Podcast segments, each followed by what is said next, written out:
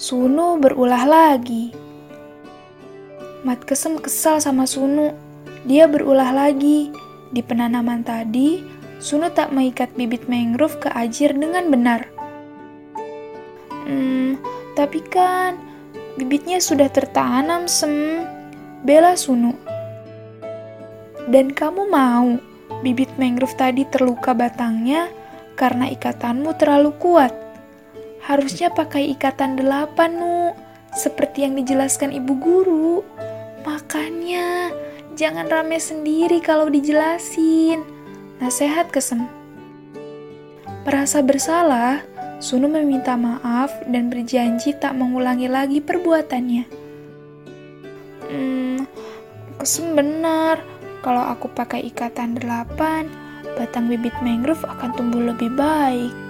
Sesalnya.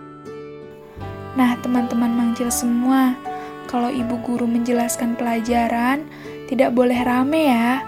Harus didengarkan dengan seksama.